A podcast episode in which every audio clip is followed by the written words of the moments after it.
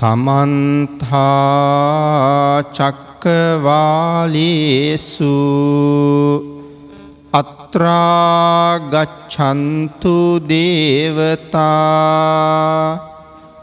සද්ධම්මං මුනිරාජස්ස සුනන්තු සග්ග මොක්කදං ධම්මස්සවන කාලු අයං බදන්තා. ධම්මස්සවන කාලු අයං බදන්තා. ධම්මස්සවන කාලු අයං බදන්තා නමෝතස්ස භගවතු අරහතු සබ්බ ධම්මේසු අප පටිහතඥානචාරස්ස දස බලධරස්ස චතුවේ සාරජ්‍ය විසාරදස්ස සබ්බ සත්තුත්තමස්ස ධම්මිස්සරස්ස ධම්මරාජස්ස ධම්මස්සාමිස්ස තථාගතස්ස සබ්බඥුනෝ සම්මා සම්බුද්දස්ස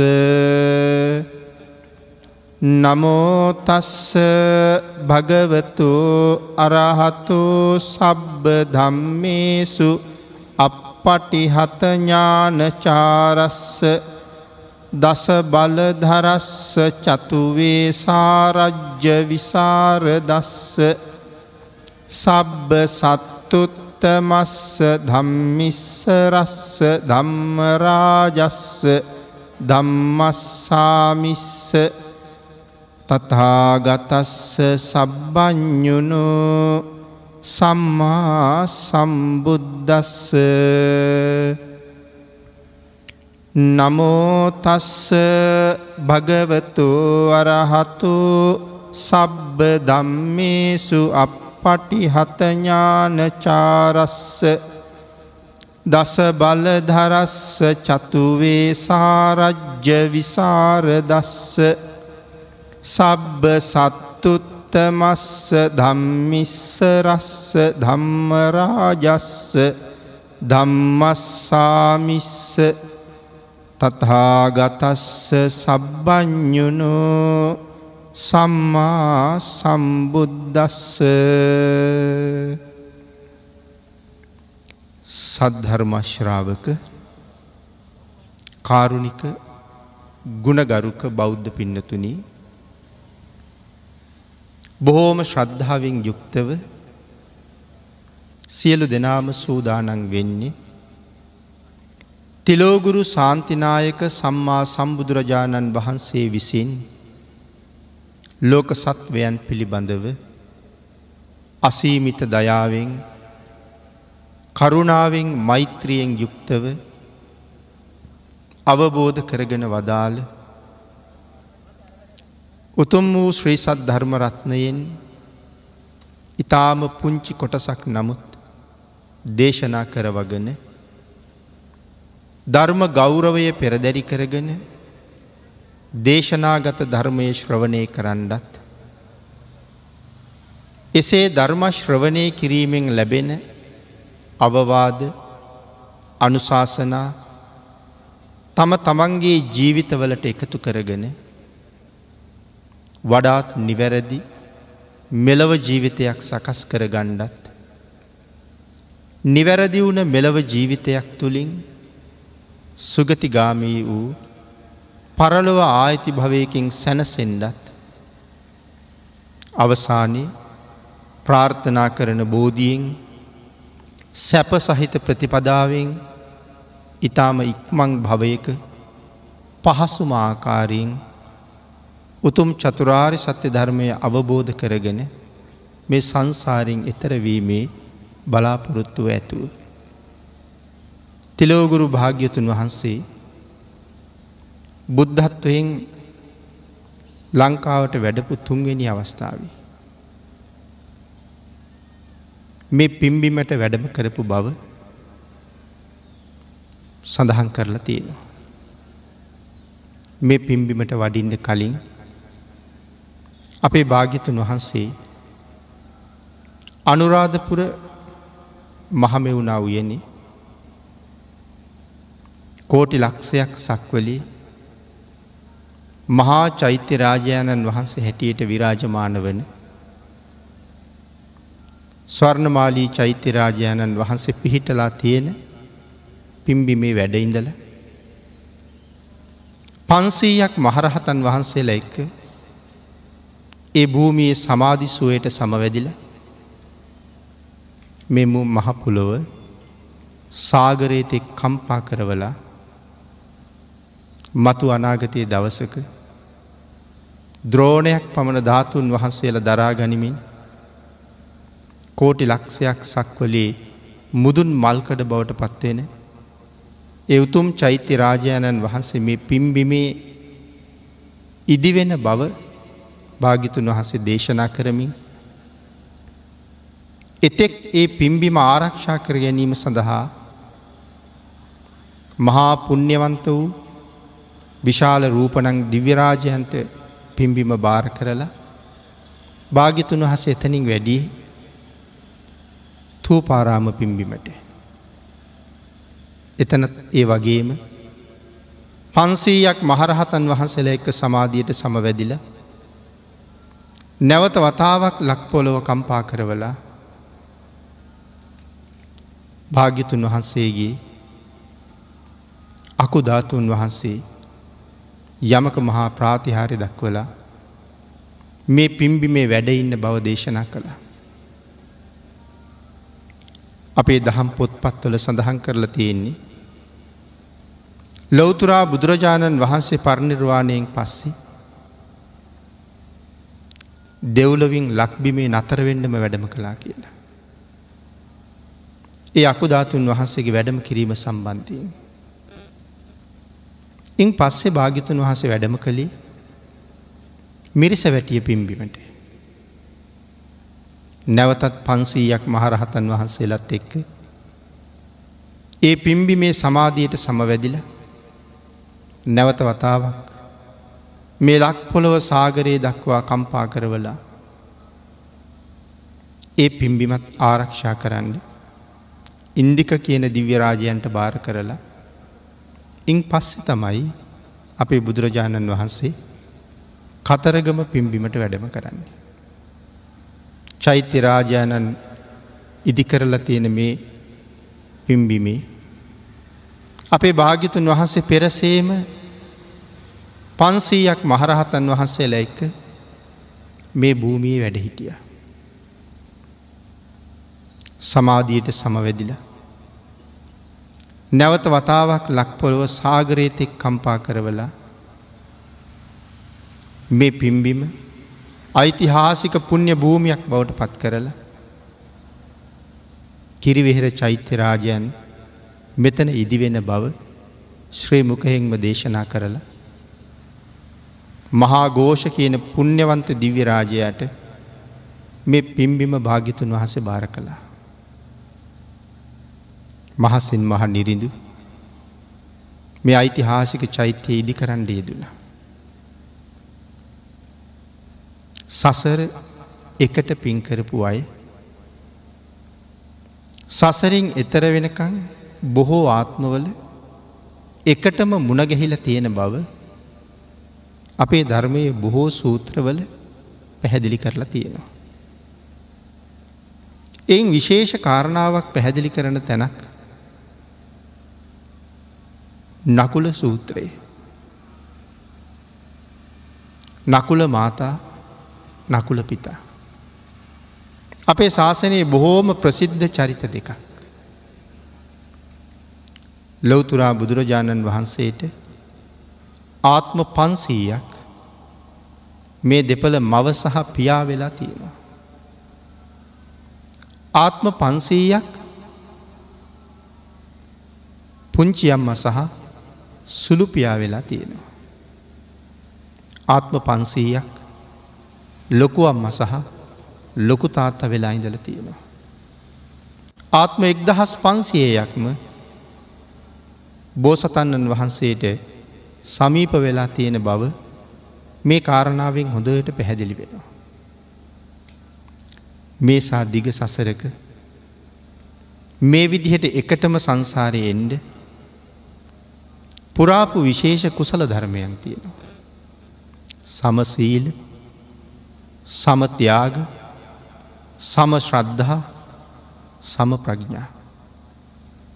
මේ සියල්ල සමව සම්පූර්ණ කරන අය සසර ගමනේ එකටම උපදින බව විශේෂයෙන් බොහෝ තැන්වල ධර්මය සඳහන් කරලා තියෙනවා.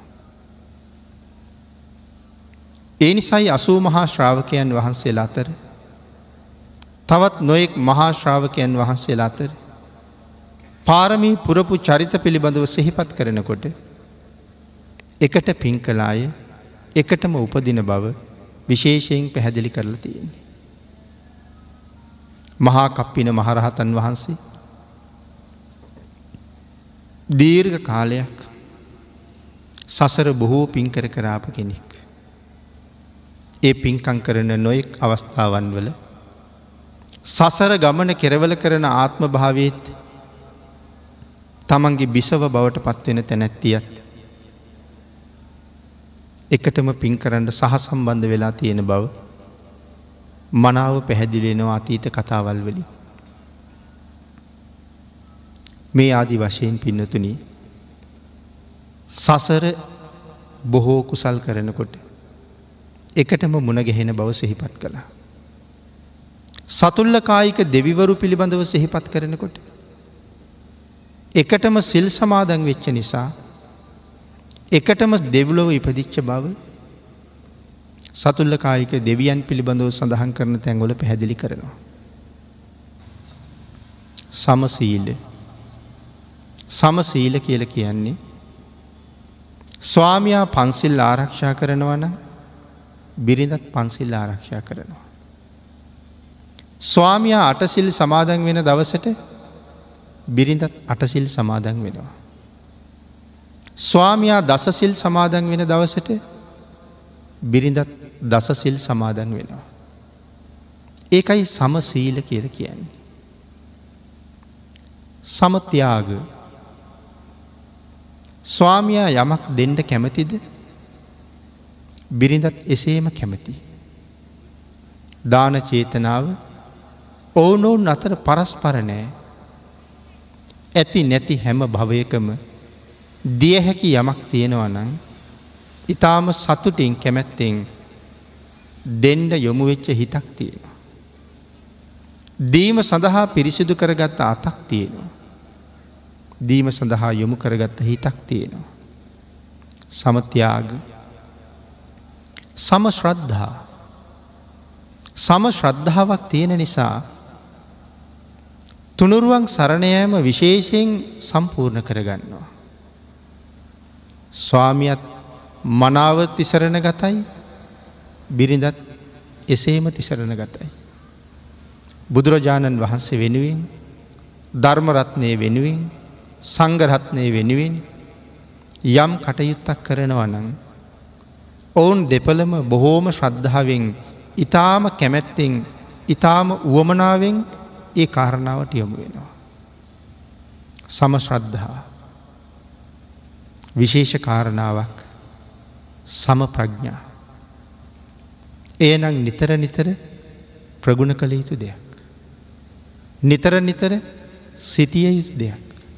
සමසීල සමතියාග සමශ්‍රද්ධහා සම්පූර්ණ කරගෙනාවත් සම ප්‍රඥා සම්පූර්ණ කරගණ්ඩ සුවිශේෂී ඥාන ශක්තියක් අවශ්‍යමයි.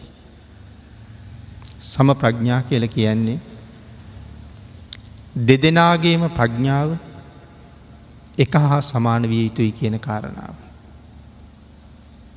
දෙදෙනාගේම ප්‍රඥාව එක හා සමානනම් ඒ අයට ජීවත්තෙන්ට හරීම පහසුයි. කුසල් රැස් කරන්නත් ඉතාම පහසුයි. සසර නිමා කරගන්න ඒ කාරණාවම හේතුවෙනවා. උදාහරණයක් සිහිපත් කළුත්. සාමාන්‍ය සමාජය තුළ දකිින්ට බොහෝම අමාරුයි සම ප්‍රඥා කියන ස්වභාවය. අපි කියමු හදිසිය කෙනෙක් අසනීප වුණා කියලා. අපි වහාම උත්සාහ කරන්නේ ඊළඟට අසනීපයට පිළියමක් කරන්න. නමුත් මනාව ප්‍රඥාව තියෙන අය හදිසියේ අසනීපවෙන්ට හේතුව මොකක්ද. අද ගත්ත ආහාර මොනවද. ඊයේ ගත්ත ආහාර මොනවද. මේ ආහාරයේ ගැනීම නිසාද මේ අසනීප තත්ත්වය ඇතිවුණේ. මේ පානවර්ගය ගත්ත නිසාද මේ අසනීප තත්ත්වය ඇතිවුණේ. මේවාගේ සමාජ පරිසරයක හිටපු නිසාද මේ අසනීපය ඇතිවුණේ. අසනීපය ඇතිවෙන්ඩ හේතුව ඔවුන් මනාව විමසනවා. එහෙම විමසලා මෙන්න මේ හේතුව නිසයි මේ අසනීප තත්ත්වය ඇතිවෙන්න ඇත්තේ කියන කාරණාව විශේෂයෙන් තීරණය කරනවා. එහෙමනම් නැවත අසනීප හේතුවෙන එවන් අවස්ථාවන්ගෙන් මිදෙන්ඩ හැම වෙලායම වග බලාගන්න. දෙදෙනාටම ඒ ප්‍රඥාව තියෙන. ස්වාමියා ආසනීප වුණේ මේ නිසයි. ඒ නිසා මෙවන් ආහාර නැවත කවදාවත් ස්වාමියයට නොදිය යුතුයි. මෙවන් පානවර්ග කවදාවත් නොදිය යුතුයි. මෙවන් තැන්වල ඉන්ඩ අවස්ථාව නොසැලසිය යුතුයි. බිරිඳ ස්වාමයා ගැනත් හිතනවා ස්වාමයා බිරිඳ ගැනත් හිතනවා. යම් කටයුත්තක් කරනකොට මේ කාර්ය හරියටම විය යුත්තෙ කොහොමද. ස්වාමයාට බයක් සැකක් නැහැ මම නැතත් විය යුතු විදිහටම ඇය ඒ කාරය කරනවා. බිරිඳට බයක් සැකක් නැහැ යම් කටයුත්තක් ළඟ මම නැතත් ස්වාමයා ඒක විය යුතු ආකාරයෙන් කරනවා. දෙදෙනාටම විය යුතු ආකාරය පිළිබඳව හොඳ අවබෝධයක් ඇතුව කටයුතු කරනවාංගේකට කියන්නේ සම ප්‍රඥා කියලා. මේ කාරණා හතර යමෙකුගේ ජීවිතය තුළ ප්‍රගුණ වෙනවනන් ඔවුන් සසර ගමනේ එකටම උපදින බව විශේෂයෙන් සඳහන් කරනවා.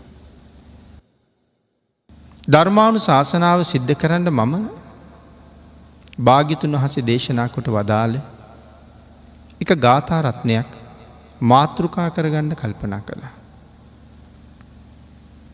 අපේ බුදුරජාණන් වහන්සේ මේ ගාථාරත්නයත් දේශනා කොට වදාලේ අනාත පින්ඩික මහ සිටිතුමා ඇතුළු පිරිසකට. දූරේ සන්තෝ පකාසෙන්ති හිමවන්තෝව පබ්බතු. අසන්තේත්තන දිස්සන්ති රත්තිකිත්තා යථහා සරාති.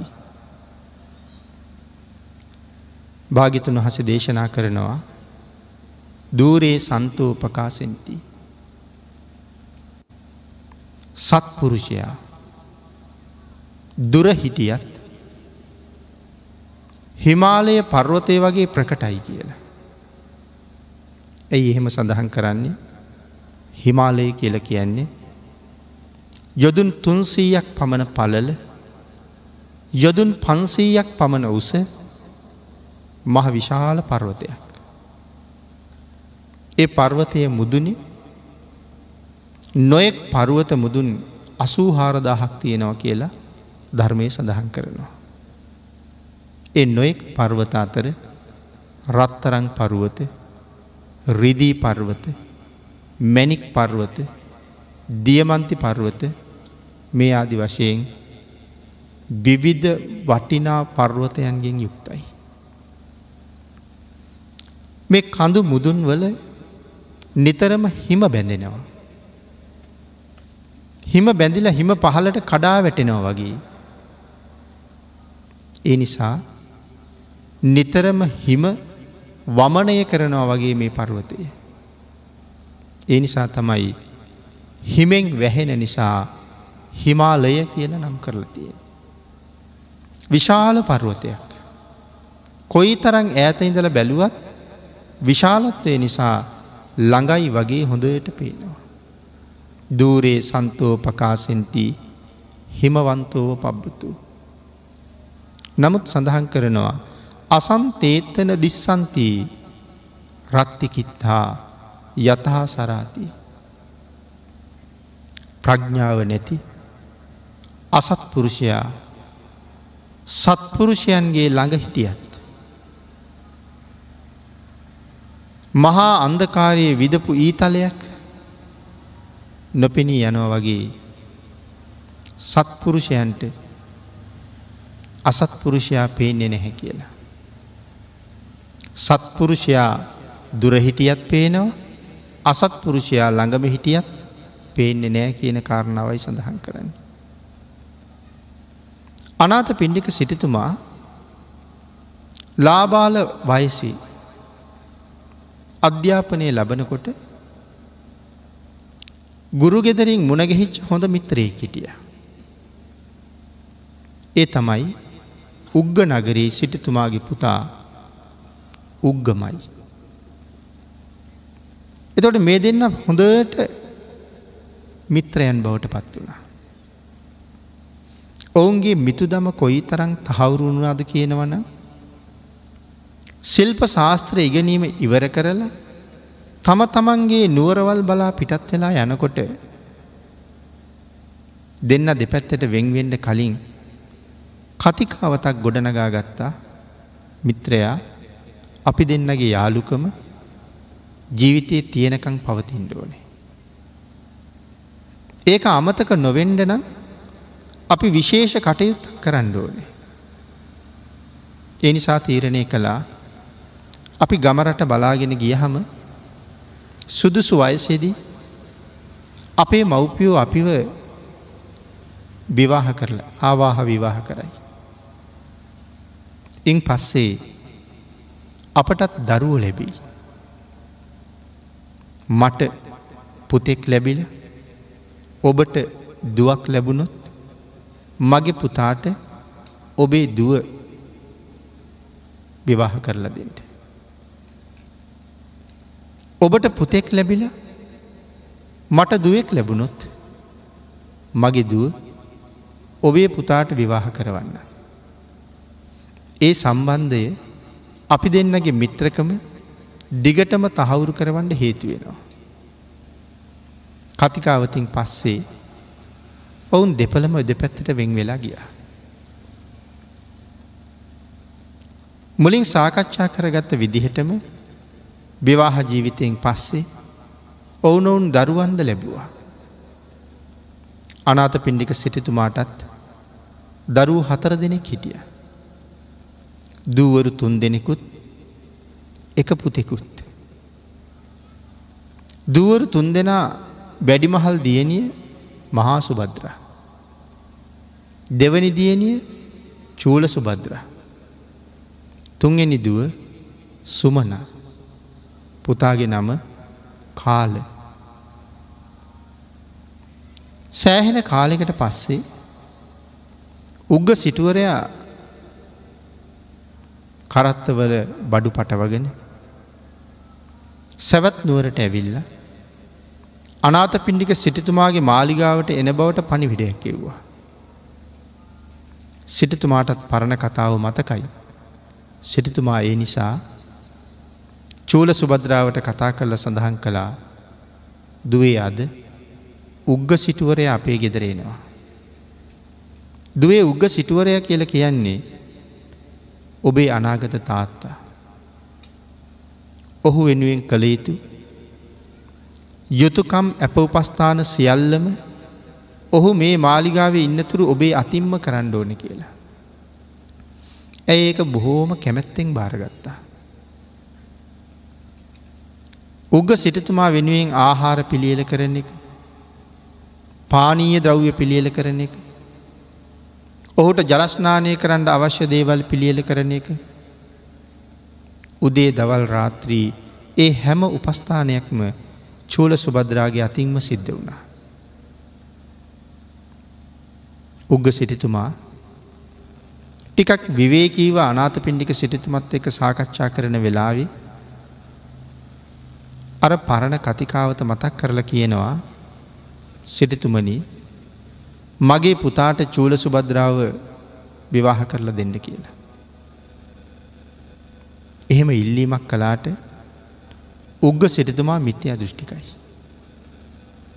අනාත පින්ඩික සිටිතුමා තෙරුවන් සරණ ගියපු ආරි ශ්‍රාවකයෙක්. පෙර කතිකාවත කෙසේ වෙතත්. දුවට නපුරක් වෙනවට නම් කීයටවත් කැමතිනේ. ඒ නිසා මේ වෙලාගේ සිටිතුමාගේ ඉල්ලීමට රිජුව උත්තරයක් දුන්නේ නෑ. උග්ග සිටිතුමාගේ කතාව අහගෙන හිටිය. කතාව අහගෙන ඉඳලා විවේකයක් ලැබුණ වෙලාවේ බුදුරජාණන් වහන්සේ ළඟට ගිහිල්ල බුදුරජාණන් වහන්සේගෙන් අහනවා. මේ මහා පුුණ්‍යවන්තයා ජීවිතයේ සුවිශේෂී තීරණ අරගෙන තියෙන්නේ බුදුරජාණන් වහන්සේ ළඟ. බුදුරජාණන් වහන්සේගේ අවවාදවලට අනුව. බුදුරජාණන් වහන්සේගෙන් අහනවා ස්වාමීනී උග්ග සිටුවරයා චූල සුබද්‍රාව ගැන යෝජනාවක් කරනවා. මිත්‍යා දෘෂ්ටික කුලේට සුබද්‍ර දෙන්නද ස්වාමීණි කියලා. බුදුරජාණන් වහන්සේ දැක්කා චූල සුබද්‍රා ඒ පවුලට විවාහ කරලා දුන්නොත් උග්ග සිටු ඇතුළු විශාල පිරිසකට මහාලාභයක් සිද්ධ වෙනවා. ආං ඒ නිසා දේශනා කළා මහසිරිතුමනී ඒක හොඳ තීරණයක් කියලා. භාගිතුන් වහන්සේ අනුමත කලා නම් සිටතුමාට අයි හිතන්ඩ දෙයක් නෑ. උග සිටතුමාට පණිවිඩයක් යව්වා ඔබේ යෝජනාවට මම කැමතියි. දැම් මේ විවාහ මංගල්ලයට සියල්ලම සූදානන්. චූල සුබද්‍ර වෙනුවෙන් කළ යුතු සියලුම යුතුකම් අනාත පින්ඩිකි සිටිතුමා සම්පූර්ණ කළා. සම්පූර්ණ කරලා. හෙට දුව පිටත් කරන දවස. එදා උදේට බුද්ධ ප්‍රමුඛ මහා සංගරත්නයට ආරාධනා කරලා තිබුණ. අනාත පින්ඩික සිටු මාලිගාවේ චූල සුබද්‍රාව වෙනුවෙන් පැවැත්වෙන පින්කමට වැඩම කරන්න. චූල සුබද්‍රාව පිටත් කරල් හැරී බුද්ධ ප්‍රමුඛ මහා සංගරත්නයට දන්දීලා. චූල සුබද්‍රා පිටත් කරන්න කලින් අනාත පින්ඩික සිටිතුමා දනංජයේ සිටිතුමා තමන්ගේ දුව විවාහ කරලා දෙන දවසේ. විශාකාවට දුන්න උපදෙස් දහය සුබද්‍රාට මතක් කළා. විවාහ ජීවිතයක් ගත කරන හැම කෙනෙකුටම තමන්ගේ ජීවිතය ගැටුම් වලින් තොර ජීවිතයක් බවට පත් කරගණ්ඩ මේ උපදෙස් දහය ඉතාම වටිනවා. අනාත පින්ඩික සිටිතුමත් ඒ උපදෙස් දහය දුවට මතක් කළා. පළවෙනි උපදේශය තමයි දුවේ කවදාවත්ම ඇතුළත ගිනි පිටට දෙන්න එපා කියල කීවා. අපි මේ වෙලා මේ කාරණාව සාකච්ඡා කරගන ඉස්සර හට යමු. මොකක්ද මේ ඇතුළත ගිනි පිටට දෙන්න එපා කියල කියන්නේ. එතනින් සඳහන් කළේ මේ අපි කල්පනා කරන ගින්දර ගැන කතාවක් නෙමෙයි. බෙවාහ වෙලා ඒ නිවසට ගියහම ස්වාමයාගේ අඩුපාඩු තියෙන්ට පුළුවන්. නැන්දම්මගේ මාමණ්ඩිගේ අඩුපාඩු තියෙන්ට පුළුවන්. නමුත් කවරදාකවත් නිවස ඇතුළේ දකින එවන් අඩුපාඩු නිවසින් පිටට ගිහිල්ලා වෙනත් වෙනත් අයත් එක්ක කතා කරන්න එපා කියලමේ කියන්නේ. එහෙම වුණොත් තියෙන ප්‍රශ්න වැඩි වෙනවා නැති ප්‍රශ්න ඇති වෙනවා. ඒකයි ඇතුළත ගිනි පිටට දෙන්න එපා කියල කියන්නේ. විවාහක දෙපලකට විතරක් නෙමෙයි මුළු සමාජ සංස්ථාවට මේ උපදේශය වටිනවා. රැකියාවක් කරන තැන තියෙන තොරතුරු. වෙනත් කාර්යක් කරන තැනක පිරිසකගේ තියෙන අඩුපාඩු. තමන්ගේ ජීවිතය පවත්වන්ට තමනුත් වැටුපක් ලබාගන්න එවන් තැනක තියෙන අඩුපාඩු තව තැනක ගිහිල්ල විවේචනය කරන්න ගියහම ඒ ආයතනයේ පිරිහෙනවා කියල කියන්නේ තමනුත් පිරිහෙනවා කියන එකයි. ඒකයි සඳහන් කළේ විවාහ ජීවිතයට පමණක් නෙමෙයි මුළු සමාජ සංස්ථාවටම වටිනවා කියලා. දෙවනි උපදේශය ලබා දුන්න දුවේ කවදාවත් පිටත ගිනි ඇතුළට ගේන් දෙපා කියලා. මොනවද පිටත ගිනි කියල කියන්නේ. සාමාන්‍යෙන් පිටස්තර අය ඒවාගේ විවාහ වෙලා තව ගමකට ගියපු කෙනෙකුට ටිකක් කල් යනකොට නොයෙක් දේවල් කියන්න පුළුවන්. ඔබේ නැන්දම් මගේ ස්වරූපය මෙහෙමයි. ඔබේ මාමණ්ඩිගේ ස්වරූපය මෙහෙමයි. ඔබේ ස්වාමියාගේ පෙර ස්වරූපය මෙහෙමයි. මේ ආදි වශයෙන් ඇති නැති අගුණ කියන්න පුළුවන්. හැබැයි ඒ අගුණ අහගෙන ඇවිල්ල ඒ පිටස්තර අය කියපු කරුණුකාරණා ගල්ලපමින් තමන්ගේ පවුලේ අයි දිහා බලන්ඩ එපා. ඒ කරුණුකාරණා ගැන හිතමින් පවුලේ අයි සැක කරන්න එපා. එහෙම වුණොත් උඹට සාර්ථක යුගදිවියක් ගත කරන්න බැරි වෙනවදවේ. ඔවුනොවුන් කියපු දේවල් නිවසට එනකොට එලිය දාලා එන්ඩ කියල කියන්නේ. ඒවගේ ඇතුළට ගේන්න එපා. පිටත ගිනි ඇතුළට ගණ්ඩෙපා කියල කිවේ එකයි. ඊළඟට සඳහන් කළා දුවේ යමක් ඔබේ නිවසෙන් ඔබ දෙනවනං ආපහු දෙන කෙනෙකුට මේක දෙන්න කියලා. මොකද දැන් ස්වාමියත් එක්ක ගියහම තවත් කෙනෙක් යමක් ඉල්ලගෙනාවත් දෙන්ඩ තියෙන්නේ ස්වාමයාගේ දේවල්න්නේ ස්වාමයාගේ දේවල් තමයි දෙන්ඩ වෙන්නේ. එතවට කවුරු හරි යමක් ඉල්ලගෙන ආවහම ඒක ඔවුන්ට දීලා නැවත ඔවුන් ගෙනල්ල දුන්නේ නැත්තම් ගෙදරායට වුවමනාවක් වෙච්චහම එතන ආය ලොකු ගැටුමක් ඇති වෙනවා. දහදුක් විඳලා තමන්ට වුවමනා දේවල් හරිහම්බ කරලා තියෙන්නේ අවශ්‍ය අවශ්‍ය වෙලාවට ප්‍රයෝජනයට ගණ්ඩ. නමුත් තමන් හම්බ කරපු දේවල් තමන්ට වුවමනා වෙලාවට නැත්තං ඒ දේවල් මොකටද කියලා ගෙදර ගැටුම් ඇතිවෙනවා. ඒකයි සඳහන් කළේ යමෙක් යමක් ඉල්ලගෙන ආවොත් උපකාරයක් හැටියට දුන්නට කමක් නෑ හැබැයි ආපහු ගෙනල්ල දෙන අයට. නමුත් සාමාන්‍ය අපි දන්නවා බොහෝ අය එහෙම ගෙනහිල්ල අමතකුණ ස්වභාවයෙන් නැවත නොදීම ඉන්න උත්සාහ කරනවා. කාලයක් යැනකොට අපටත් අමතක වෙනවා කාටද දුන්නේ කියලා. ඒකයි සඳහන් කළේ දෙන අයට දෙන්ට. නොදෙන අයට නොදෙන්ට. එහෙම ගෙනහිල්ලා ගෙනල්ල දෙන්න නැති අයට එහෙම කිසි දෙයක් දෙන්න එපා. ඊළඟට සඳහන් කරනවා දුවේ දෙන්නන්ටත් දෙන්ඩ නොදෙන්නන්ටත් දෙන්ඩ කියලා. එතොට මේ මොකක්ද කියන්නේ. ඉස්සරල කාරණා දෙකටම විරුද්ධයි වගේද. ඉස්සරලකිව දෙන්නන්ට දෙන්ඩ නොදෙන්නන්ට නොදෙන්ඩ. ඊළඟට සඳහන් කරනවා දෙන්නන්ටත් දෙන්ඩ නොදෙන්නන්ටත් දෙන්න කියලා. එහෙම සඳහන් කරලා තියෙන්නේ දෙලිඳු ඥාතීන් එන්ඩ පුළුවන් යමක් ඉල්ලගෙන. වෙනත් දුප්පත් කෙනෙක් යාචකයෙක් යමක් ඉල්ලගෙන ගෙදර එන්න පුළුවන්. එවන් අය යමක් ඉල්ලුවොත් එවන් අයටත් දෙන්ඩ හැබැයි බලාපොරොත්තු අත්හැරල දෙෙන්ට. අපි යාචකයකුට යමක් දෙන්නේ ආපව් ගණ්ඩ හිතාගෙන නෙමෙයි. සමහරලාට ඉල්ලගත්ත දෙයක් ගෙනත් දෙනවන ගෙනත් දෙයි. ගෙනත් නුදුන්නත් ඒක ගැන හිතන් දෙපා. එනිසයි සඳහන් කළේ දෙන්නන්ටත් නොදෙන්නන්ටත් දෙන්න කියලා. ඊළඟට සඳහන් කළා දුවේ සුවසේම හිඳින්ඩ. මොකද මේ සුවසේම හිඳින්ඩ කියල කියන්නේ. යම් තැනක ගිහිල්ල වාඩි වෙනකොට ආය නැගිටින්ඩ වෙන තැනක වාඩිවෙන්ඩ පා කියල කියන්නේ. කොහොම අවස්ථාවක්ද අපි සඳහන් කරමු මේ ගේ ඇතුළේ මාමණ්ඩීද ගන්න වෙන මාසනයක් තියෙනවා. නැන්දම්ම ඉඳගන්න ආසනයක් තියෙනවා. ස්වාමිය ඉඳගන්න ආසනයකුත් තියෙනවා. එතකොට මේ නැන්දම් මගේ හැරි මාමණ්ඩිගේ හැරි ස්වාමයාගේ හරි ආසනය ඉඳගත්ත හම ඒගොල්ලු ආපු හම නැගිටලා ඒගොල්ලන්ට ඉඩ දෙන්ඩුවනේ. එහෙම ඉඩ නොදී ඒ ආසනය තමන්ගේ වගේ හිටියොත් ටික ටික ආය ප්‍රශ්න ඇතිවෙන්න පටන් ගන්නවා.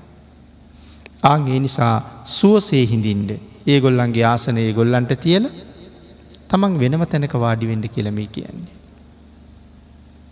ඊළඟට සඳහන් කලා දුවේ බොහොම සුවසේම අනුභව කරන්න කියලා. නැන්දම්ම මාමණ්ඩි ස්වාමයා ආහාර ගත්තට පස්සේ දැසි දස්සන්ටත් ආහාරපාන තියෙනවද කියලා හොයල බලල ඒ අයගේ අඩුපාඩු සම්පූර්ණ කරලා ඔබ ආහාර අනුභව කරන්න. එතකොට කරදරයක් නැතුව කල්වේලා අරගෙන සුවසේ වලඳන්න පුළුවන්. එහෙම නැතිවුණොත් අපි අනුභව කරන අතරේ ස්වාමයා අඩගහන්න පුළුවන්. නැන්දම්ම කතා කරන්න පුළුවන්. ඒ වෙලාවට නොගියොත් ආයෙත් හිත්‍රි දෙන්න පුළුවන්. නමුත් ඒගොල්ලු ආහාර අනුභව කරලා ගියාට පස්සේ තමන් අනුභව කරන්න ගත්ත හම බොහොම පහසුවෙන් කාලය අරගෙන අනුභව කරන්න පුළුවන්. ඊළඟට සඳහන් කලා දුවේ සුවසේම නිදන්ඩ. නැන්දම්ම මාමන්ඩි ස්වාමයා නිදාගත්තට පස්සේ දොරජනෙල් වහලා බඩු බාහිරාදිය නැවත එක්තැන් කරලා එක් තැනක තියල එලිය පහලිය තියෙන දේවල් සියල්ලන්ට පසුව නින්දට යන්ඩ. එතකොට බොහොම සැපසේ නිදා ගණඩ පුළුවන්. ඇතුළත ගිනිපු දන්ඩ. ඇතුළත ගිනි කියල කීවේ ස්වාමියයි මාමණ්ඩී නැන්දම්මයි. ඔවුන් තුන් දෙනාම ගින්දර වගේ දකිින්ට කියල සඳහන් කළා. ඔවුන් තුන් දෙනාම සරප හිසක් වගේ දකිින්ට කියල කිවා. ඇයි අපි ගින්දරට බයයි. සරප හිසටත් අපි බයයි. විස ගෝර සර්පයෙක් දැක්කත් සර්පයාගේ ඉදිරියටම මුණ ගැහුණුත් තමයි බය දෂ්ට කරන්නේ හිසෙන්නේ හිස තියෙන පැත්තිෙන්. නමුත් පිටු පසින් මුණ ගැහුණට ඒ තරම් බයවෙන්න දෙයක් නෑ. මේ තුන් දෙනා සරප හිසක් වගේ දකින්න කියල කියනවා. ඒ ඇන්නේ බොහොම යටහත් පහත්ව කටයුතු කරන්නේ අයිට. ඇතුළත ගිනි පුදන්න කියල කියන්නේ එකයි හැම වෙලා මේ ගොල්ලන්ට ගෞරව කරන්න. සත්කාර සම්මාන කරන්න. කළ යුතු යුතුකම් ටික සම්පූර්ණ කරන්න. ඇතුළත දෙවියන් පුදන්න කියලා අවසානි සඳහන් කළෙත් ඒ හා සමාන කාරණාවක් මයි. මේ තුන් දෙනාටම විශේෂයෙන් සලකණ්ඩ කියන කාරණාව. මෙන්න මේ උපදෙස් දහය චූල සුබද්‍රාවට අනාත පින්ටික සිටිතුමාත් ලබලදීල පහුවදා දන්දීල දුව වෙනුවෙන් අවශ්‍ය සියලුම දායාද සිටිතුමාගේ ප්‍රමාණයෙන් දියනියට වෙන් කරල විශේෂිත රථයක නංවල දියනිය උග්ග නගරයට පිටත් කළා. මේ වෙලාවේ තවත් විශේෂ අට දෙනෙක් චූල සුබද්‍රාවත් එක්ක යවනවා. ඒ මොකටද චූල සුබද්‍රාවගෙන් යම්කිසි අඩුපාඩුවක් වෙනවන. ඒක පරීක්ෂා කරන්නත් ස්වාමියාගේ ගෙදරෙදි චූල සුබද්‍රාවට අභූත චෝදනාවක් නගනවනං ඒක පරීක්ෂා කරලා සුබද්‍රාගේ නිදොස් බව ඔප්පු කරන්නත් පරීක්ෂා කරන තමයි මේ අට දෙනා යවන්න. මුළු ජීවිත කාලෙම සුබද්‍රා වෙනුවෙන් ඒ අට දෙනා කැප වෙලා ඉන්නේ. උග්ග නගරයට ඇති ඇතුල් වෙනකොට. උග්ග සිටතුමත් සිටු දේවියත් උග්ග නගරයේ වැසියොත් සියලු දෙනාම තම තමන්ගේ නිවිස් වලින් එලියට බැහැල. නගරත් ద్వාරයට රැස් වෙලා හිටියා චූල සුබද්‍රාව පිළිගන්න. ඒ ඒ අයගේ වත් පෝසත්කං වලට අනුව ඒ හැමෝම සුබද්‍රට තෑගි ගෙනල්ල තිබුණා. සුබද්‍රත් තමන් ගමන් කරපු රතින් සියලු දෙනාට පේන විදිහට පේන රථයකින් තමයි එත නිදල ගමන් කරන්නේ. මොකද සුබද්‍රාව දකිින්ඩ විශේෂයෙන් පිරිස බලාගෙන ඉන්න නිසා. ඔවුන් තමන්ට දුන්න තෑගි නැවත ඇය විසින් සුදුසු සුදුසු පරසි අනික් සියලු දෙනාගෙම නිවස්සලට පිටත් කළා.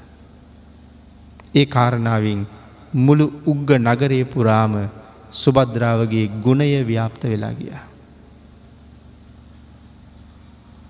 උග්ග සිටිතුමාගේ ගෙදරත්.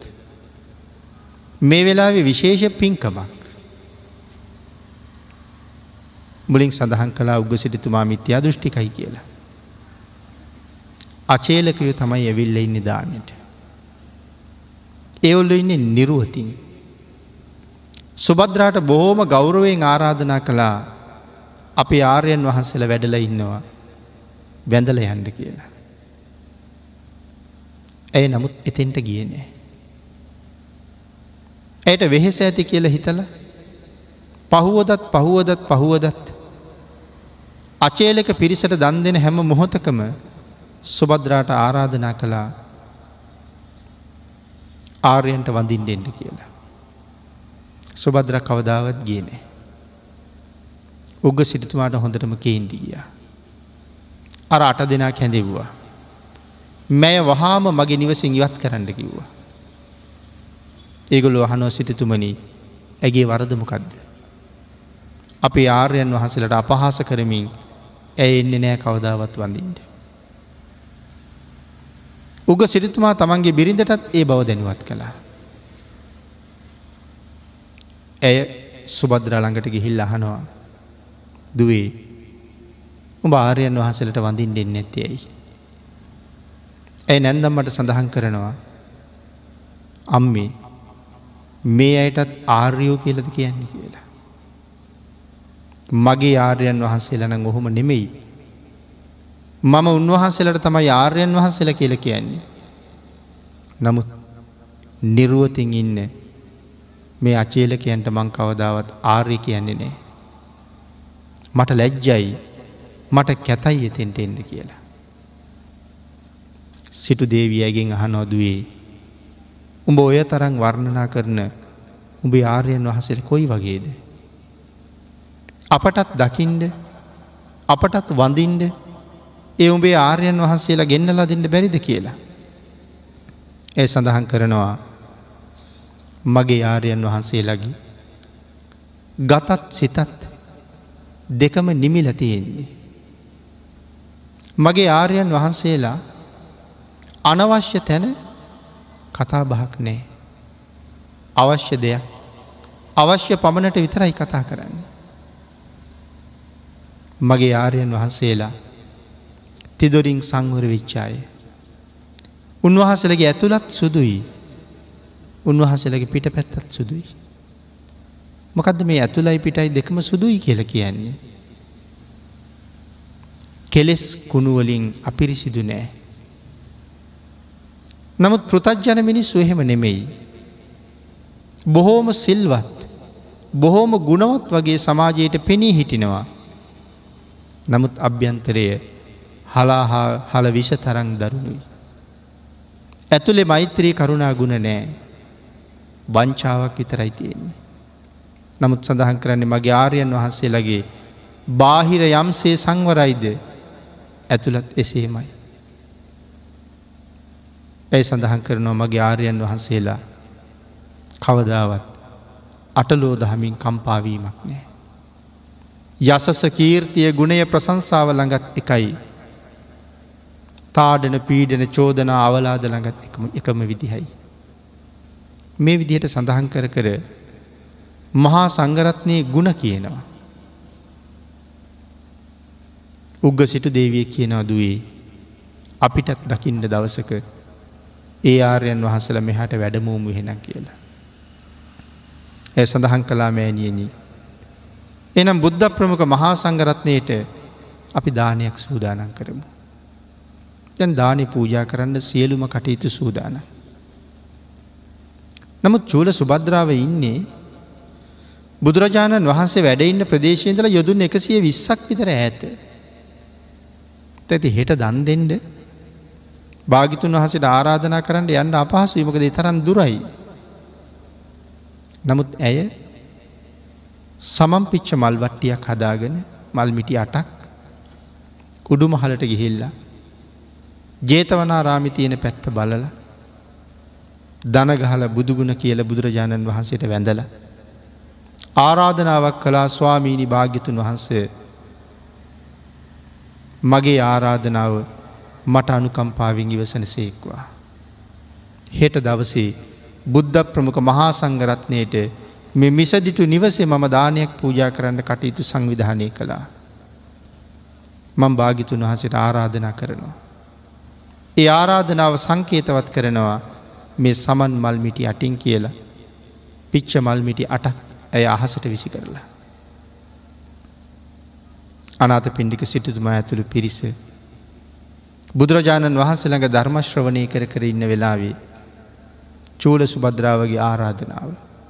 සමන් මල්මිටි අට ඇගේ ශ්‍රද්ධාවත් බුද්ධානු භාවයත් එකතුවීම තුළින් භාගිතුන් වහසගේ ශීර්ෂ දහතුවට ඉහෙලින් මල් වියනක් හැදුව වගේ නතර වුණා.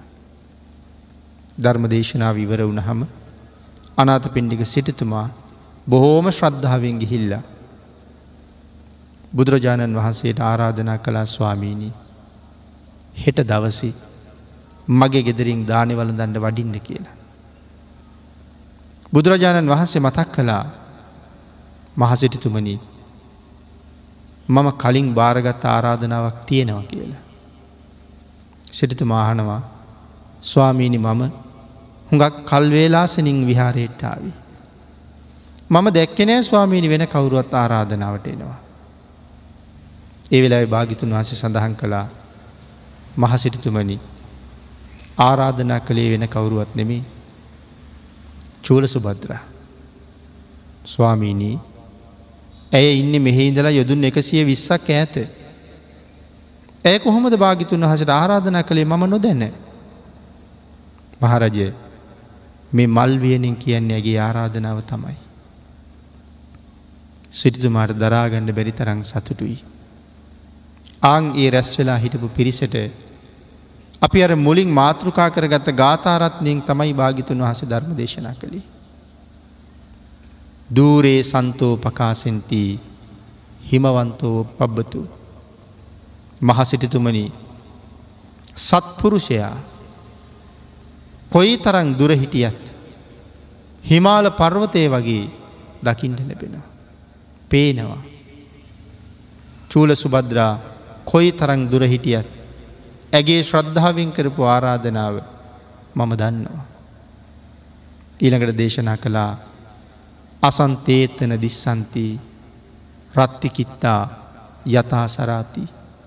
නමුත් මහසිරිතුමනී අසත්පුරුෂයා. ශ්‍රද්ධාව නැති ප්‍රඥ්ඥාව නැති කෙනා. බුදුරජාණන් වහන්සේගේ දන මඩල්ල ළඟ හිටියත්. භාගිතුන් වහන්සේ සත්පුරුෂයෝ ඔවුන් දකින්නේ නෑ කියලා. කොයි වගේද චතුරංග සමන්නාගත අන්දකාරයේ තියෙන වෙලාවක නමුත්. විදින ඊතලයක් කවදාවත්ම පේන්නේ. මොකද චතුරංග සමන්නාගත අන්දකාරය කියල කියන්නේ. මාසේ පෝය දවසක සාමාන්‍යයෙන් අපි කළුවර වැඩිම දවස හැටියට සඳහන් කරන්නේ මාසෙ පෝය දවස. ඒ නිසාම සමාජයයි කියනවා කළුවර පෝය දවස කියලත්. එතකොට එවන් අඳුර පවතින දවසේ මධ්‍යම රාත්‍රිය අඳුර හොඳටම වැඩි වෙලාව. උන කාරණත් දෙකක් එකතු වුණා. එකක් මාසේ පෝය දවස අඳුරුම දවසක් රාත්‍රී දොළහා හොඳටම අඳුර වැඩි වෙලාවක්. අහස වලාකුළෙන් බරවෙලා තියෙන මොහොතක්. සාමාන්‍යයෙන් අහස වලාකුළෙන් බරවෙනකොට දහවල් කාලත් අන්දකාරයි.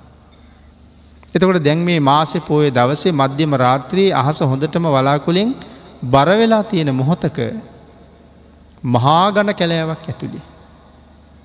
මහගණ කැලෑවක් ඇතුළෙත් දවල්ටත් අඳුරුයි. දැම් මේ හතරම එකට එක දුනහම මහගණ කැලෑවක් ඇතුළි මාසෙ පෝය දවසේ මධ්‍යම රාත්‍රයේ අහස වලාකුළෙන් බරවෙලා තියෙන මොහොතක. කොයි තරං අන්දකාරයක් තියේද. ආංඒකට තමයි චතුරංග සමන්නාගත අඳුර කියල කියන්නේ. ඒ අඳුරේ කිසිම දෙයක් පේන්නේ. එනම් අසත්පුරුෂයා ශ්‍රද්ධාව නැති කෙනා ආර්යන්ට ශ්‍රද්ධාවන්තයන්ට නොපෙනී යන්නේ චතුරංග සමන්නාගත අඳුරේ විද්ධ ඊ තලයක් වගේ කියල සඳහන් කළා.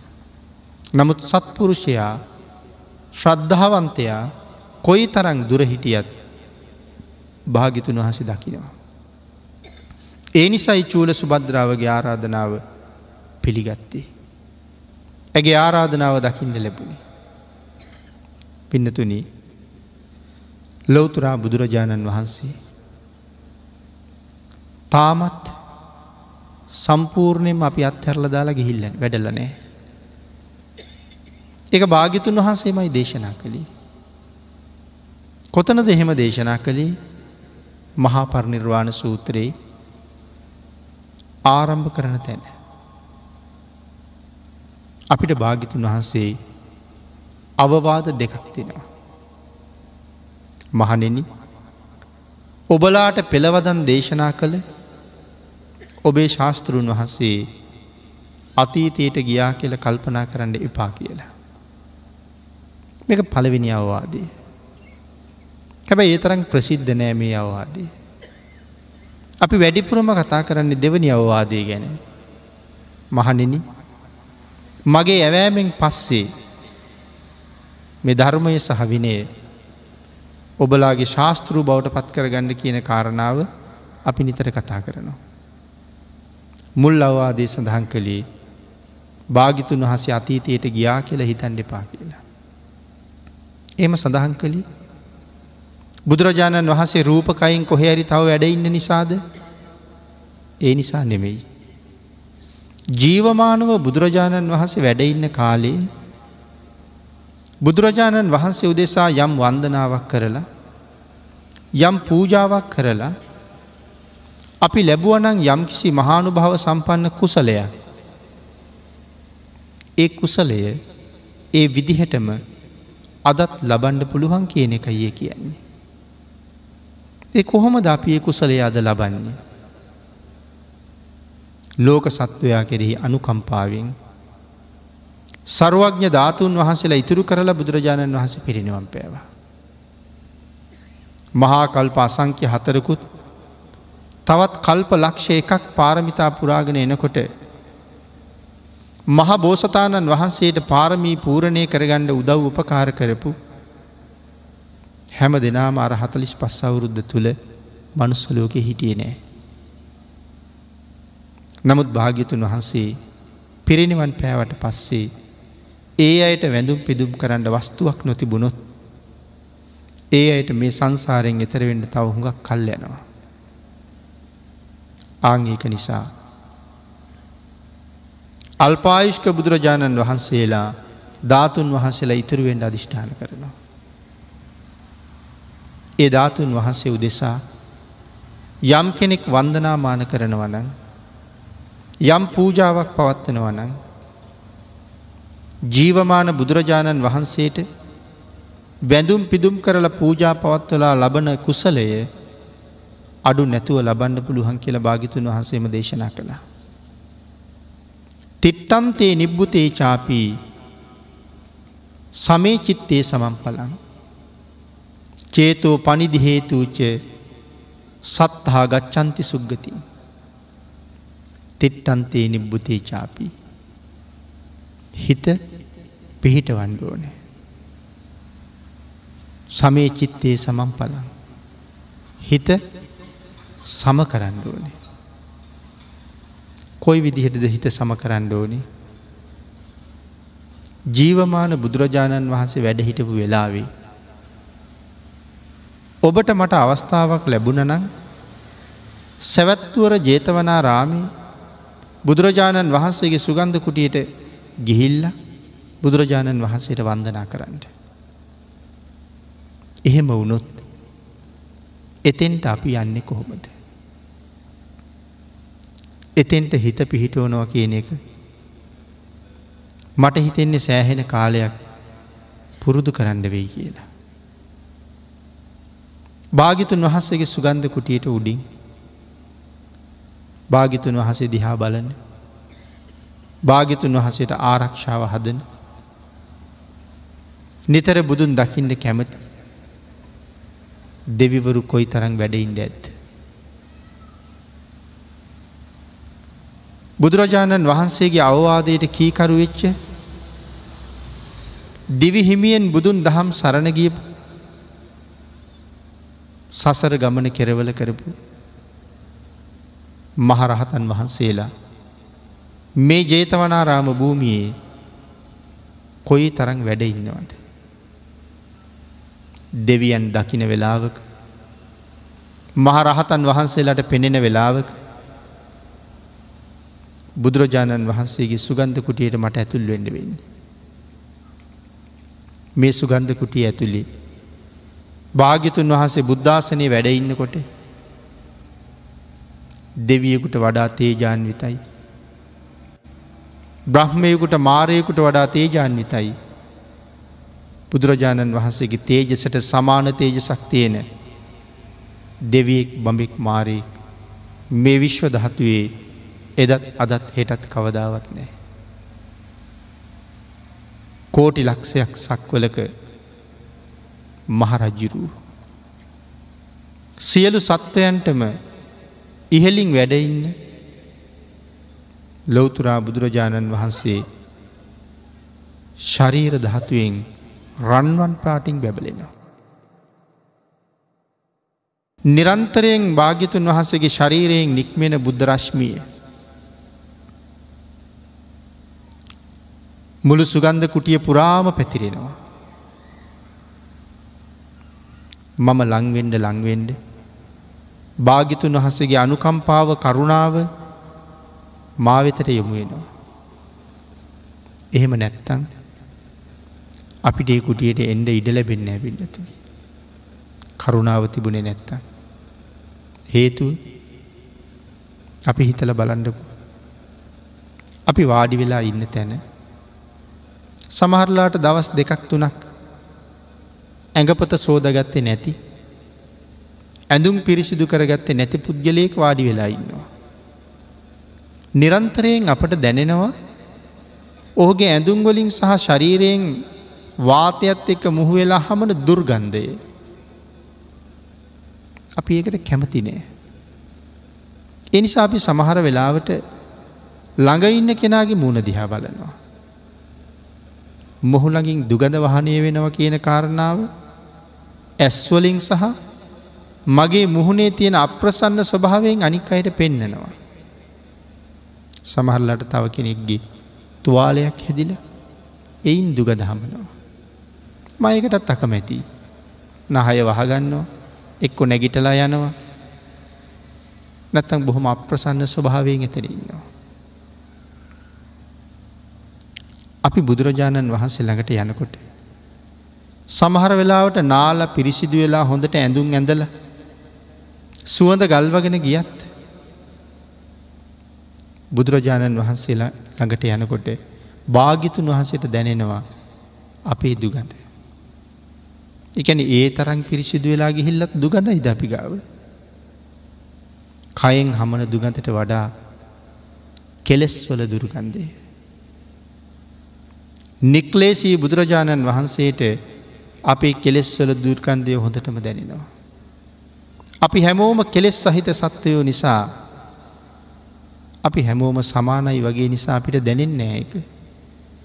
නමුත් සරුව සම්පූර්ණයෙන් නිකලෙස් උතුමෙකුට කෙලෙස් සහිත පුද්ගලයුක්ගේ කෙලෙස් ගඳ කොහොම දැනෙනව ඇද්ද.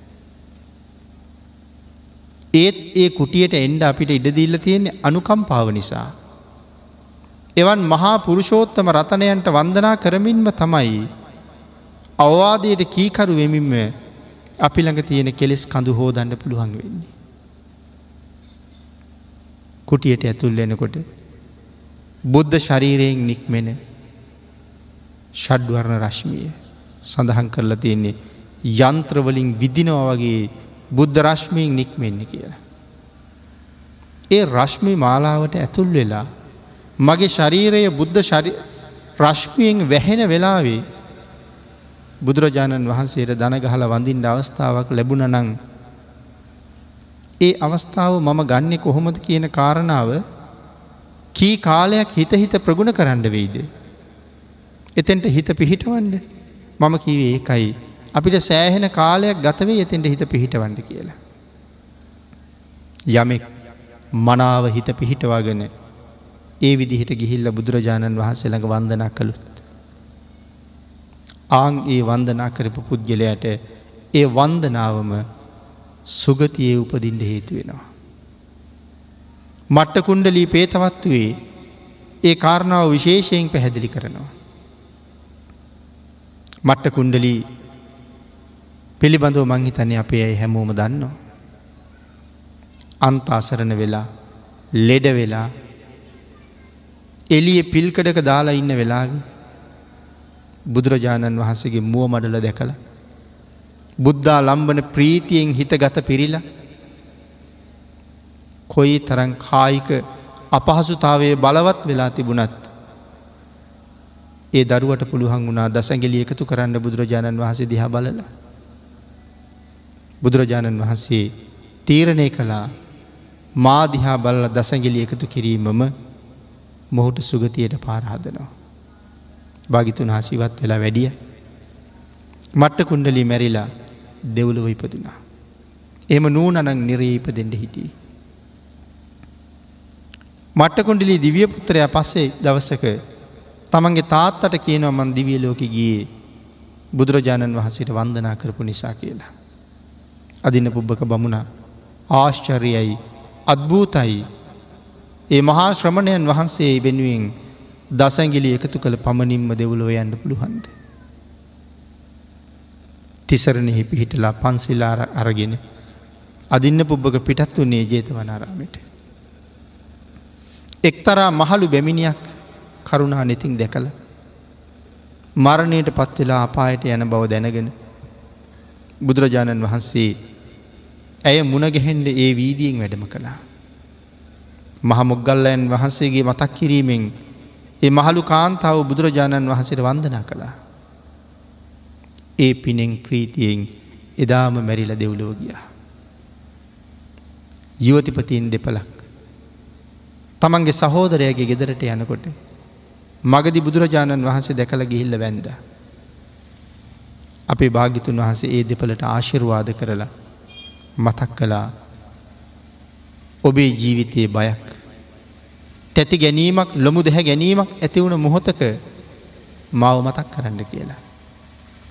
මනාව තිසරණයේ පිහිටපු ඔවුන් බුද්ධවවාදී පිළිගත්තා. අර ස්වාමයා තමන්ගේ ස්වාමි දියණිය සහෝදරයට භාර කරලා ඔහු නැවත ගමරට බලා යන්න ගිය.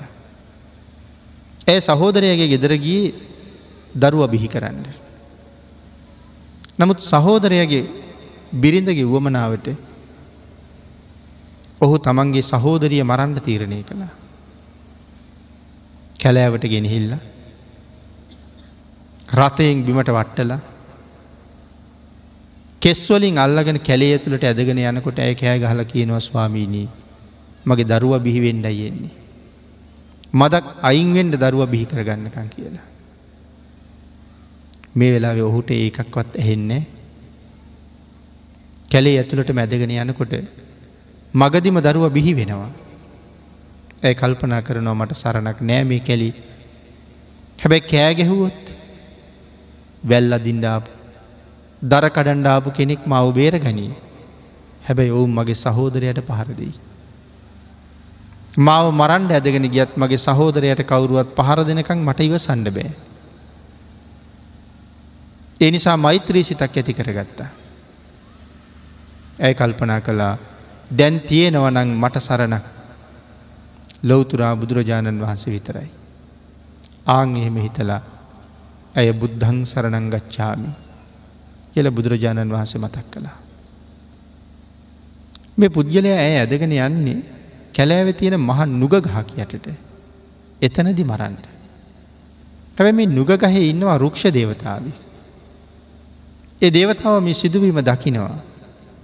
ඇගේ සීලය ඇගේ තිසරණය ඇගේ හිතේ තියෙන මෛත්‍රිය මේ සියල්ලම දැකලා මේ දේවතාව කල්පනා කරනවා මේ පාපතර පුද්ගලයා මේ සිල්වත් සැදැහැවත් තිසරණ සරණගත තැනැත්තිය මගේ විමානළඟ මරල දැම්මුත් ඇය මරණකං බලාගෙන හිටිය කියලා මහ දෙවියන්ගෙන් මට විසුමක් වෙන්නේ නෑ.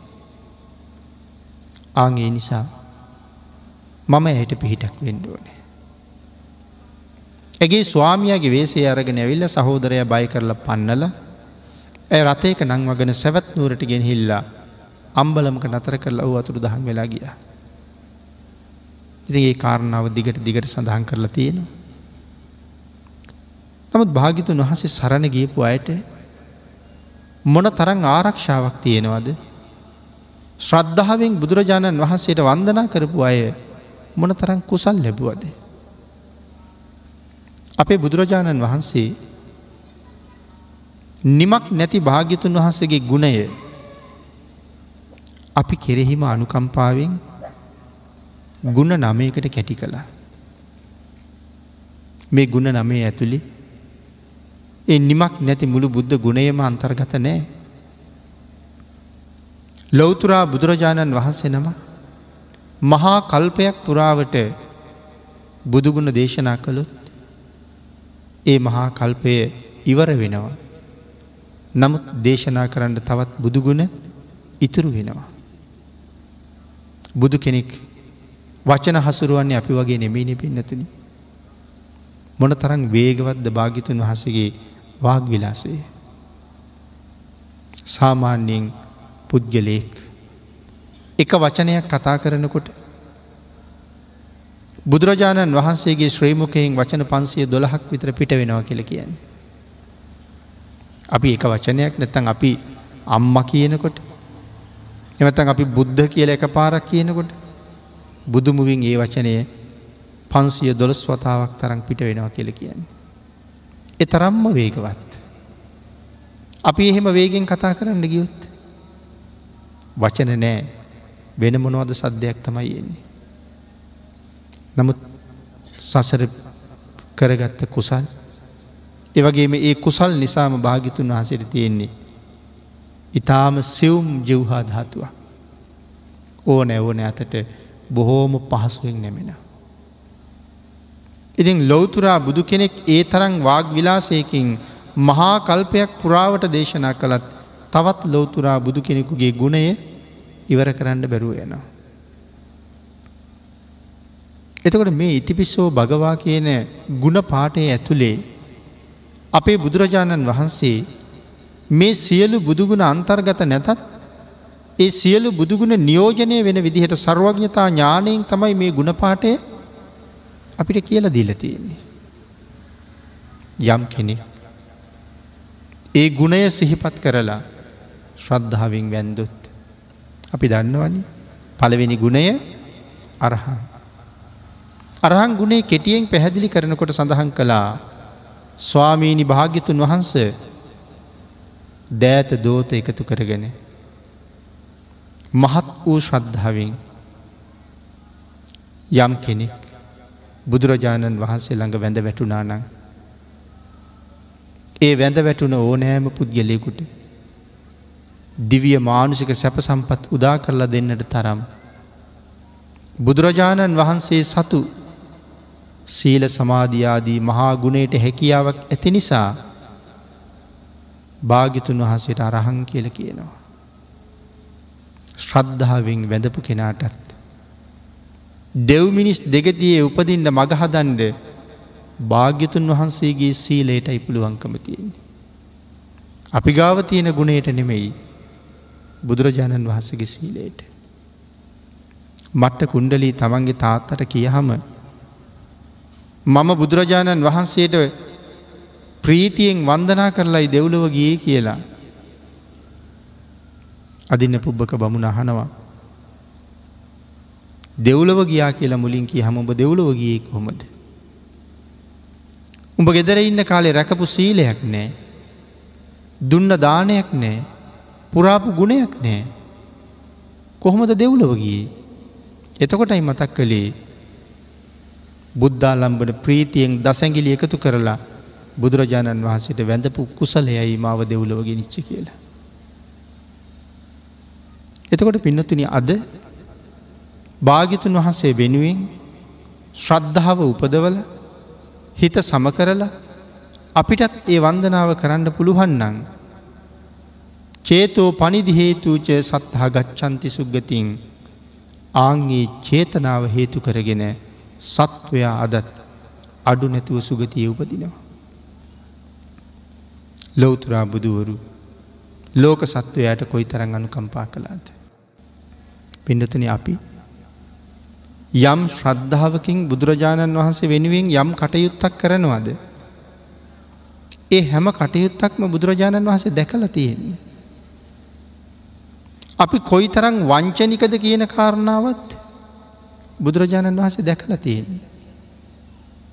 ශ්‍රද්ධාවෙන් කරන ප්‍රමාණයට අපිට ලැබෙන්ඩ ඕන කුසල් ප්‍රමාණයත් භාගිතුන් වහසේ අපිට අනුමෝදන් කරලා තියෙන්නේ. අද අපි වෙනුවෙන් භාගිතුන් වහන්සේ අනුමෝදන් කරපු කුසලය ලබාගත්ත දවස. එයින්සයි මම සඳහන් කළේ බුදුරජාණන් වහන්සේ ඔබ මම අපි හැමෝම දකිනවා කියලා. ඒ මීට හුඟක් කාලයකට කලින් දැකල තියෙන්නේ. මේ අද බව විතරක් නෙමෙයි. මේ භවය විතරක් නෙමෙයි. නිවන් දකින තුරුම බුදුරජාණන් වහන්සේ අපි ගැන සියලුම තොරතුරු දන්නවා. මට ඊළඟ මෝතේ පහළ වෙන හිත මොකක් කියලා මටවත් තේරුමක් නෑ. අපි දන්න ඊළඟට එන හිත කොහොම වෙයිද කියලා. දකින දෙයක් අනුව දේශසිතක් වෙන්ඩ පුළුවන් රාගසිතක් වෙන්ඩ පුළුවන් මෝහසිතක් වෙන්ඩ පුළුවන් තව විනාඩියකින් දෙකකින් මට එහෙම දේශ සිතක් පහළ වෙනවා කියලා අදහසක්වත් මල්ලඟ නෑ. නමුත් ඒ සිත මට පහළ වෙන්ඩ කලින් මට එහෙම සිතක් පහළ වෙනවා කියන කාරණාව බුදුරජාණන් වහස දන්නවා. මේ සංසාර ගමනි කොතරම් පව් කරගන්නවද. කොතරම් පින් කරගන්නවද. කොයි තරම් කාලයක් සතරාපායි දුක් විඳිනවද. ඒ හැම කාරණාවක් මත් බුදුරජාණන් වහසේ දන්න. අපි සංසාරය විඳපු දුක් ගැනත් දන්නවා. අපි සංසාරය අනාගතයට විඳින දුක් ගැනත් දන්නවා. ශ්‍රද්ධාවින් තුනුරුවන් වඳින හැටිත් දන්නවා. සැදහෙන් තුනුරුවන් පිළිබඳව ජීවිත පූජ කරන බවත් දන්නවා. ලැබිය යුතු ආශිරවාදී ලැබිය යුතු කුසල කර්මය භාගිතුන් වහසේ අපිට යොමු කරලා තියෙනවා. ආං ඒක නිසයි ප්‍රඥ්ඥාවන්තයෝ පවට බය. අතීතය අය පවට බොහෝම බය වුණා. එකට හේතු ගොඩක් තිබුණා. එකක් දුගතියට යන්න වෙන එක. අනිත් කාරණාව තමයි අපි පව් කරනකොට දෙවියන්ට පේනවා. අපි පව් කරන බව අපි දිහා බලන දෙවියන්ට පේනවා. අපේ ආරක්ෂක දෙවියෝ හොඳටම දකිනවා පව් කරනවා කියලා. ඉතින් දිගින් දිගට පව් කරන්න ගත්තොත් ආරක්ෂක දෙවියෝ අපි ආරක්ෂා කරයිද කියන කාරණාවත් සැකයි. නමුත් එහෙමම කලකිරෙන්නෙත් නෑ සමහරලාට අද වරදක් දෙක සිද්ධ වනාට මතු අනාගතයේ ඔහුගෙන් මේ සමාජයට මහා මෙහෙවරක් වෙන්ඩ තියෙනවනං. ඒ අනාගත යහපත වෙනුවෙන් ආරක්ෂා කරනවා. නමුත් අතීත පුුණ්‍යවන්තයෝ හරි බයයි. මම හොරෙන් හොරෙන් පව් කලාට ආරක්ෂක දෙවියොත් දන්නවා. මම දිහා බලන දෙවියොත් දන්නවා. දෙවියෝ දකින නිසා පව් කරන්න ලැජ්ජයි. යම් හේතුවකින් දෙවියෝ නොදැක්කත් අපි පව් කළ බව රහතන් වහන්සල දන්නවා. ඒ නිසත් පව් කරන්න බයයි. මේ ලෝකෙ කවුරුණ දැනගත්තත් මම කරන පව් ගැන බුදුරජාණන් වහන්සේ දන්නවා. ඒ නිසා හැම වෙලාවිම බුදුරජාණන් වහන්සේ මම දිහා බලාගෙන ඉන්නවා කියන චේතනාවෙන් පව්කරන එකින් ඇත්තුලා. එන එදා අය දිහා විතරද බැලුවී නෑ පින්නතුන අපි දිහත් ඒ විදිහටම බලන. හැම මොහොතකම බුදුරජාණන් වහන්සේ මන්දිහා බලාගෙන ඉන්නවා කියලා හැඟෙනවනං ඔබ හිතල බලන්ඩ අපේ හිත්වල උපදින අකුසල් චේතනා කොයි තරං පහවයයිද කියලා. නමුත් ඒ හිත හැම වෙලාවෙම තියෙන්ට ඕනේ. එතකොට තමයි සත්පුරුෂයන්ගේ රැකවරණය නිරන්තරයෙන් අපට ලැබෙන්නේ. සත්පුරුෂයෝ පුුණ්‍යවන්තයන් සංසාරයෙන් එතර කරන්න පුදුම වීරයක් දරනවා. ඔබට මතක ඇති අපේ මහ බෝසතාණන් වහන්සේ දන් දෙෙන්ට මුදල් හොයන්ට ස්වර්ණ භූමියයට පිටත්වෙන වෙලාවේ. සංක බ්‍රාහ්මණ හැටියට. නැව මුහුදෙදි පෙරලෙන බව දැනගෙන ඇතන් ගිලෙන බව දැනගෙන පසේ බුදුරජාණන් වහන්සේ අනුකම්පා කරපු හැටි. යානා පූජාවක් කරව ගත්තා. සංක බ්‍රාහ්මණට පෙනෙන්ඩ රත්වෙච්ච වැලිමතින් පාගමනින් වඩිනවා දැකලා දුවගෙන ගිහිල් ආසනයක් පනවලා. භාගිතුන් වහසගේ සිරිපතුල තමන්ගේ පැංකෙන්ඩියෙන් සෝදලා පිරිසිදු කරලා. පැළඳගෙන ඉන්න පාවහන් දෙක පිරි පිහල පිරිසිදු කරලා පිළිගන්වලා ස්වාමීනී මට අනුකම්පා පිණිස මේ උපාවාහනය පිළිගණ්ඩ රත් වුණ වැලිමතින් වඩින්න එපා කියලා. කුඩෙත් පූජා කලා අව්ව යන්න එපා අව්‍ය වඩින්ට එපා කියලා. තින් ටික දුරක් පයින් වැඩම කරලා හසට පැනනැගල වැඩිය. නැව මුහුදු බත් වුණා. සංක බ්‍රාහ්මණතුමා හකුරුත් ගිතෙලුත් අනුභව කරලා අතවැසි අත් එක මුහොදට පැන්න. මහාසාගරයේ ආරක්ෂාවට ඉන්න මනිමේ කලා දෙවඟන හත් දවසකට පස්සේ තමයි දැක්ක බ්‍රහ්මණය මුහදට වැටිල කියලා. ඒ දෙවගෙන මොකට දින්නේ. ඇයට තියෙනවා විශේෂ රාජකාරයක් මහ මුහුදදි කරන්න. මව්පියන්ට සලකන තෙරුවන් සරණ ගිය සෙල්ගුණ රකින කිසියම් කෙනෙක් මුහොදට වැටුනොත් බේරන්ඩුවනේ. ඇය වහා මැවිල් ආහාර පිළිගැන්නවා සිල් අරං ඉන්න බව සඳහන් කළා ස්වර්ණවර්ණ වූ රථයක් මවලා සම්පූර්ණ ධනයෙන් පුරෝලා ඒ රථයට නංවන්ඩ හදනකොට මේක ඔබේ පිනද මගේ පිනද කිය ලැහුවා. සඳහන් කලා සිටිතුමනි බ්‍රහ්මණතුමනි මතක නැද්ද පසේ බුදුරජාණන් වහන්සේට දවස් හතකට කලින් සිද්ධ කරපු පාහන් වාහන පූජාව. අං ඒ පූජාව ආනුභාවය ඔබේ පිනයි මේක.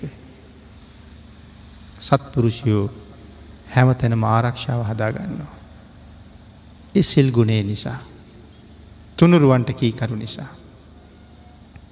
අපේ බුදුරජාණන් වහන්සේ මේ විවාහ ජීවිතයක් සාර්ථක කරගණ්ඩ අවශ්‍ය කරුණුකාරණා දේශනා කරනකොට තවත් විශේෂ කාරණා රාශියක් ධර්මය තුළ සඳහන් කළා. සිංහලුවද සූත්‍රයේ දේශනා කළා බිරිඳකගෙන් ස්වාමීකුට වෙන්ඩෝන යුතුකම් පහක් ස්වාමියකුගෙන් බිරිඳකට විය යුතු යුතුකම් පහක් තියෙනවා කියලා. මෙවා යුතුකං විතරක් නෙමෙයි. ඒව පින්කං. වර්තමාන සමාජයෙන් අපි ඒවාගේ යුතුකං දකිනවා බොහෝම අඩුයි. නමුත් ඒ යුතුකම කියල කියන්නේ මනා වූ පින්කමක්. බිරිඳ විසින් ස්වාමියයට නිරන්තරයෙන් ප්‍රියවචනයෙන් ආමන්ත්‍රණය කරන්න ඕනේ. ස්වාමියත් බිරිඳට හැම වෙලාවිම ප්‍රියවචනයෙන් ආමන්ත්‍රණය කරන්න ඕනේ. සැරපරුස වෙනවට වඩා ප්‍රියවචනයෙන් කතා කරනවට මේ ලෝකෙ හැමෝම ප්‍රියයි. නන්දි විශාලාදී ජාතක කතාවල් වල පවා පැහැදිලි කලා මිනිස්සු විතරක් නෙමේ තිරිසං සතුන් පවා ප්‍රියවචනයෙන් කතා කරනවට බොහෝම ප්‍රියයි කියලා. ඊළඟට සඳහන් කළා බිරිඳට අවමන් නොකළ යුතුයි. පිරිස් ඉන්න තැංගොල කවදාවත් අවමං කරන්න එපා කියල කියනවා. හැම දෙයක්ම කරන්න පුළුවන්කමක් මිනිස්සුන්ට නෑ. ඕනෑම දෙක කළ යුතු ප්‍රමාණයක් කළ හැකි දේවල් ප්‍රමාණයක් අපි ජීවිතවල තියෙනවා. මට බැරි තවත් කෙනෙකුට කරන්න පුළුවන් දෙයක් ගැන කියලා මේ අයට නම් මේ දේවල් බෑ කියලා එහෙම අවමං කරන්න එපා කියලා සඳහන් කරනවා. කාන්තාවකට විවාහ ජීවිතය ඇතිවෙන දරුණුම චිත්ත පීඩාව මොකක්ද කියලා ධර්මය ඔය ජාතක පාලී එහෙම බොහෝසේ සඳහන් කරලා තියෙනවා. සමහර රජවරු තමන්ගේ දියනිවරු රාජ කුමාරවරුන්ට විවාහ කරලා දෙන්න අකමැති වෙලා තියෙනවා. දුවට දුකක් දැනේ කියලා. ඒ එන්නේ දුව රජකුමාරයකුට දුන්න හම දුකක් දැනෙනවද. නෑ රජ්ජුරූ ගිහිල්ල තමන්ගේ බිසවගෙන් අහනවා කාන්තාවකට මේ ලෝකෙ තියෙන දරුණුම හිත්වේදනා ඇතිවෙන්නේ මොකක් නිසාද කියලා. කාන්තාවක ගෙන් යහන්නේ තමන්ගේ බිරිඳගෙන් අහනවා. ඇය කියනවා ස්වාමීනී සපත් නිරෝසයේ. මොකදේ සපත් නිරෝසය කියල කියන්නේ. තමන්ගේ ස්වාමයාට තවත් බිරිඳක් ඉන්නවා කියලා දැනගත්තොත්. ඒක තමයි කාන්තාවගේ හිත රිදවන ප්‍රධානම කාරණාව. ආං ඒක නිසා රජ්ජුරුවෝ තමන්ගේ දුව තවත් රාජකුමාරයකුට දෙන්ඩ අකමැති මොකද රජවරුන්ට බිරින්දෑවරු ගොඩක් ඉන්න නිසා. එහෙම තැන් ධර්මය සඳහන් කරලා තියෙනවා. එනිසා ස්වාමයා තමන්ගේ බිරිඳගේ හිතේ සතුට රඳවන්න විශේෂයෙන් මෙ තුන්වෙනි කාරණාව පිළිබඳව අවධානය යොමු කළ යුතුමයි. ගෙදර ප්‍රධානකම ඇයට දෙන්ඩුවනේ. මොන වගේ ප්‍රධානකමද. විශේෂයෙන් ආහාරපාන සම්බන්ධයෙන්. ගෙදර පිරිසිදුකම සම්බන්ධයෙන්. අලංකාරයට තබා ගැනීම සම්බන්ධයෙන්. දරුමුණු දරුවන්ගේ කටයුතු සම්බන්ධයෙන් ඒ ස්වාමයා නිතර ගෙදර නැහැ. ඔහු තමයි ආදායන් උපයන්නේ. බිරිඳ තමයි ගෙදර ඉඳගෙන ආහාරපාන පිළියල කරලා දරුවන්ගේ කටයුතු කරලා මේ දේවල් සියල්ල සිද්ධ කරන්නේ. එහි ප්‍රධානත්වය හැම වෙලාම ඇයටම දීල තිබිය යුතුයි. ඇගේ කටයුතු හැම වෙලාම අගේ කළ යුතුයි. ඒක ඕනෑම බිරිඳක් ස්වාමයාගෙන් බලාපොරොත්තු වෙන දෙයක්. අවසාන වසයෙන් සඳහන් කළා මේ යුතුකම් අතර ඇය කැමති වස්ත්‍රාභරණ වලින් ඇයට සංග්‍රහ කළ යුතුයි. මේ කාරණා පහ ස්වාමීකුගෙන් ඉෂ්ට වෙනවනං ඇය ඒ ස්වාමයා සම්බන්ධයෙන් දාසියක් වගේ කටයුතු කරනවා. බොහොම ගෞරවයෙන් කටයුතු කරනවා. බොහොම ශ්‍රද්ධාවක් ඔහු පිළිබඳ උපදවා ගන්නවා. ඇගෙන් ඔහුට විය යුතු හැම කාර්යයක්ම ඇයද නොපිරිහෙලා ඉෂ්ට කරනවා. ඒ කාරණාව පැහැදිලි කරනකොට නැවත දේශනා කලා ස්වාමයාගෙන් පමණක් නෙමෙයි බිරිඳගෙන්ද ඉටුවේ යුතු යුතුකම් සමුදායක් තියෙනවා කියලා. ඒ වගේම යුතුකම් පහ. ඒ අතර භාගිතුන් වහසේ විශේෂයෙන් මේ සූත්‍රය සඳහන් කළා. කලට වෙලාවට ස්වාමයා වෙනුවෙන් ආහාරපාන සපේලා දෙෙන්ඩුවනේ. සමහලට උදේට රැකියාවට යනවා. එමනත්තන් හේනට කුඹුරට යනවා.